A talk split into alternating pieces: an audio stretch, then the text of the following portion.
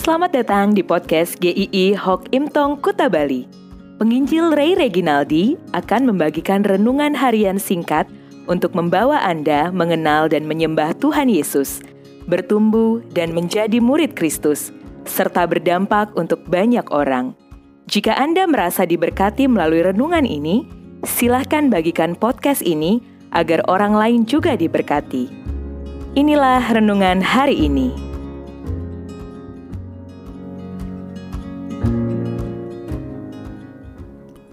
Mendapatkanmu di lembah kedukaan Lukas 7 ayat 11 sampai 17. Renungan ini akan berseri dalam tiga hari ke depan.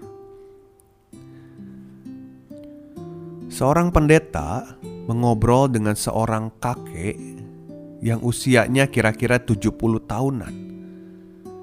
Setelah 10 menit berbicara, kakek itu mengeluarkan sebuah foto yang sudah pudar warnanya, foto anaknya yang sudah meninggal 50 tahun yang lalu. Dia memandanginya, mengelus-ngelus foto anaknya itu sambil meneteskan air mata. Kehilangan orang yang dikasihi tidak akan pernah menjadi sesuatu yang mudah. Waktu tidak bisa menghapuskan kehilangan itu. Sekalipun kita mengerti bahwa kematian itu sesuatu yang pasti untuk semua orang, tetapi kematian seseorang yang dekat di hati kita tidak selalu dapat diterima dengan mudah.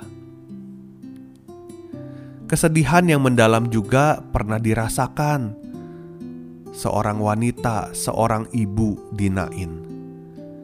Kita tidak pernah tahu siapa namanya dia dikenal sebagai seorang janda, dan dia kehilangan putra tunggalnya yang terkasih.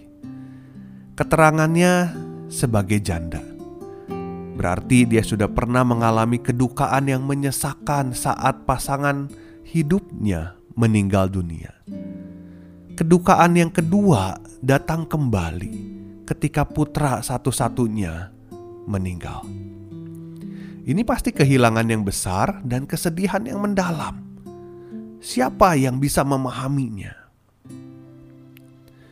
Dari banyaknya orang yang ada di jalan itu, hanya Tuhan Yesus yang dikatakan melihat janda itu.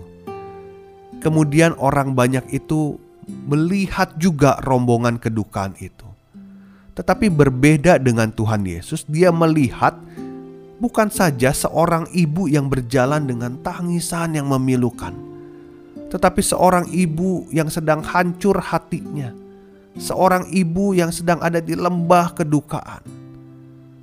Dikatakan dalam bagian firman Tuhan ini, ketika melihatnya, tergeraklah hati Tuhan Yesus oleh belas kasihan. Di dalam terjemahan secara literal, Belas kasihan itu adalah bagian perut yang dalam. Jadi itu bukan sesuatu rasa yang dibuat-buat. Bukan simpati yang palsu. Tetapi lahir dari hati yang begitu dalam, tulus dan murni. Tuhan Yesus tidak pernah mati rasa ketika melihat duka yang mendalam dari janda yang kehilangan anak tunggalnya itu. Dia berbelas kasihan dengan sungguh dia tidak pernah tinggal diam. Seseorang yang sedang berduka dipandang Tuhan tidak sederhana dan biasa-biasa atau main-main.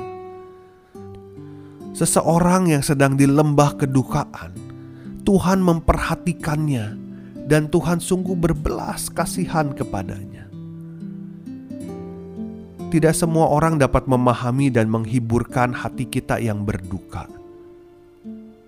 Tetapi saat kita kehilangan anggota keluarga kita, sahabat kita, pasangan hidup kita, guru kita, Tuhan Yesus memperhatikan kita.